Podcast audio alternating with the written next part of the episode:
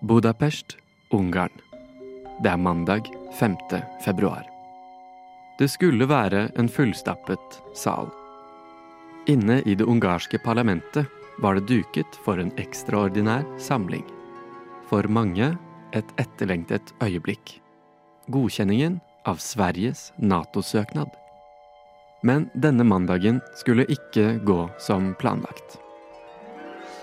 Tomme stoler, 135 av dem, var selve beviset på et brutt løfte fra statsminister Viktor Orban og hans trofaste parti, Fides. Fra sine plasser oppe i galleriet kunne de skue ned. De fremmøtte ambassadørene fra Norge, Danmark, Nederland, Polen, Slovakia og USA. På en tom og handlingslammet sal. Hva skal dette bety? Var dette en av Orbans utspekulerte manøvre? Uten Ungarns velsignelse kommer man ingen vei. Av de 31 Nato-landene står Ungarn nå igjen som den eneste blant dem som ikke har tatt Sverige riktig inn i varmen. I Stockholm, i Washington og for Jens Stoltenberg så skaper dette stor hodebry. Men det er særlig én ting som denne gangen avslører noe litt spesielt. Og for å forklare det må vi inn i ungarsk politikk på en måte vi er litt uvant med. Før helgen ble Ungarn, Fidesz-partiet og Orbans regime rystet av en ganske alvorlig pedofiliskandale. I de gjenværende restene av Ungarns uavhengige presse ble det avdekket at Ungarns president, Katalin Novak, i all hemmelighet brukte sin makt til å benåde visedirektøren for et barnehjem.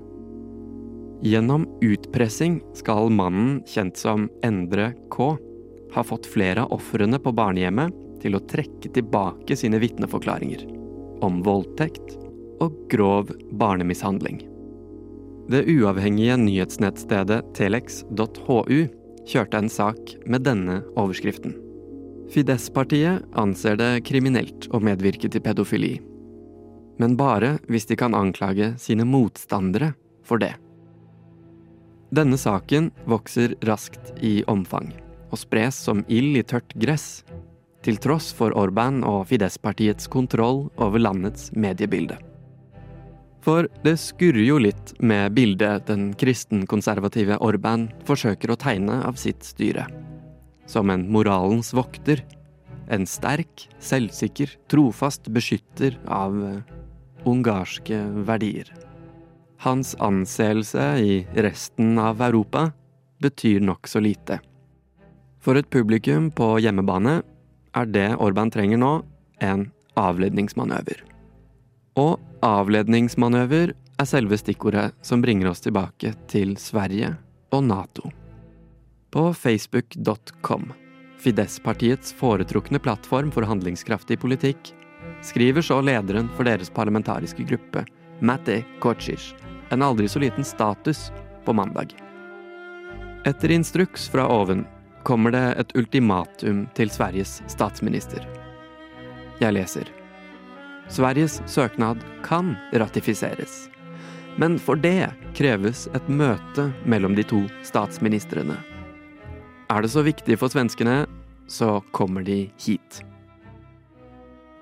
Litt som et brekkjern håper Viktor Orban at han kan bruke et svensk statsbesøk som en anledning til å vise seg frem. For å skyve alt av skandaler på hjemmebane under teppet. Den svenske avisen Dagens Nyheter forteller nå at Sveriges statsminister Ulf Kristersson skal prøve å finne tid i kalenderen for å reise til Budapest for et møte med Orban. Med mandagens løftebrudd ferskt i mente har Orban gjort seg til en svært upålitelig forhandlingspartner. Ved å spille på Sveriges utålmodighet har han nå de siste to årene ønsket å hale ut prosessen så lenge som mulig. Når Orban endelig sårt trenger et lyspunkt, en handshake og en PR-boost, kan det vise seg at strategien har hatt en temmelig stor bakside.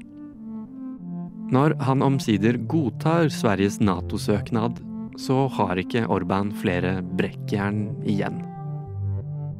Uten flere sjanser til å skvise og utpresse sine europeiske naboer, vil det fremover bli ganske vanskelig for Ungarns statsminister å spille som før. Og en dag, før eller siden, vil også bli hans aller siste i statsministerstolen.